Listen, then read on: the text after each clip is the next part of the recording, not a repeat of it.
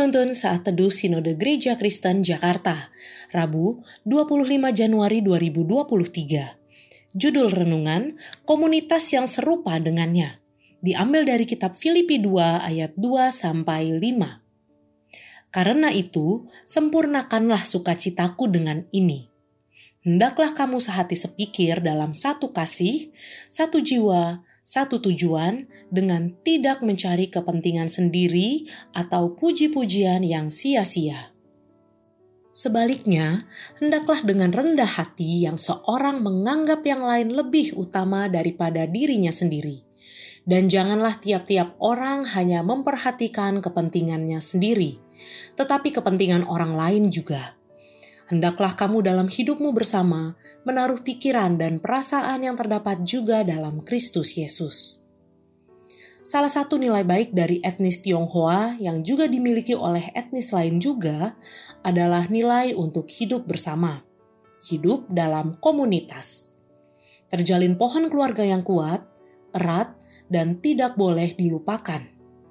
Saya secara pribadi juga mengalaminya setiap kali berkumpul dalam momen Imlek atau momen lain.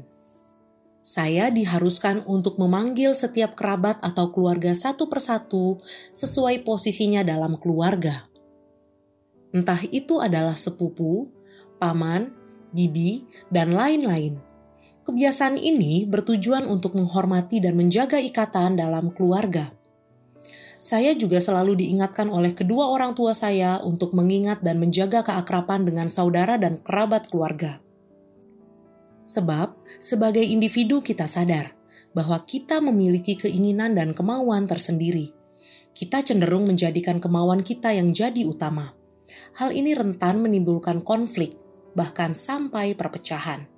Itulah mengapa dalam keluarga Tionghoa sangat menjunjung tinggi serta melestarikan nilai silaturahmi. Dalam nas yang kita renungkan hari ini, Paulus yang berada dalam penjara dengan kondisi dalam penderitaan. Dia tetap bersuka cita karena dia dapat mengalaminya karena Kristus. Tetapi satu hal yang akan menjadi duka cita yang memberatkan dia. Tentu saja bukanlah soal dirinya sendiri, tetapi ketika jemaat tidak hidup dalam kesehatian dan kesatuan. Paulus mengatakan, "Sempurnakanlah sukacitaku dengan mereka hidup dalam kesatuan dan kebersamaan yang kokoh." Tetapi, semua itu sulit dilakukan jika mereka hidup untuk diri mereka sendiri, jika mereka mementingkan kepentingan mereka. Karena itu, Paulus memerintah agar mengikuti teladan dan sikap hati Kristus untuk seterusnya mereka harus meletakkan seluruh dasar komunitas mereka dalam keserupaan dengan Kristus. Jemaat harus hidup seperti Kristus hidup. Teladan Kristus dalam kesetaraan dengan Allah tidak menganggap sebagai milik yang harus dipertahankan, melainkan mengosongkan diri, mengambil rupa sebagai hamba dan menjadi sama dengan manusia. Taat sampai mati di kayu salib. Jemaat juga demikian mereka harus merendahkan diri mereka dan mengutamakan kepentingan sesamanya sebagai yang utama. Kristus ketika bangkit dari kematian dan dimuliakan.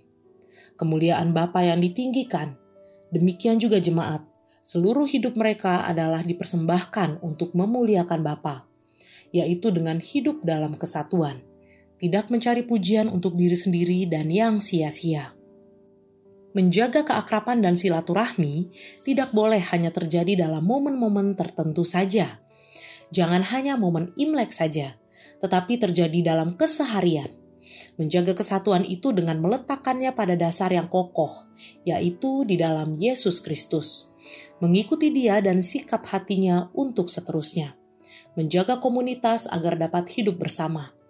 Saling menjaga dan saling melindungi dalam menghadapi berbagai badai kehidupan sebagai tubuh yang tidak terpecah-pecah, tidak hidup untuk diri sendiri, tidak mengutamakan diri, dan tidak mencari pujian yang sia-sia. Itulah cara hidup umat Allah yang menjadikan Kristus sebagai pusat dalam hidupnya. Amin. Komunitas yang kuat adalah komunitas meletakkan seluruh sikap hati dan hidupnya serupa dengan teladan Kristus.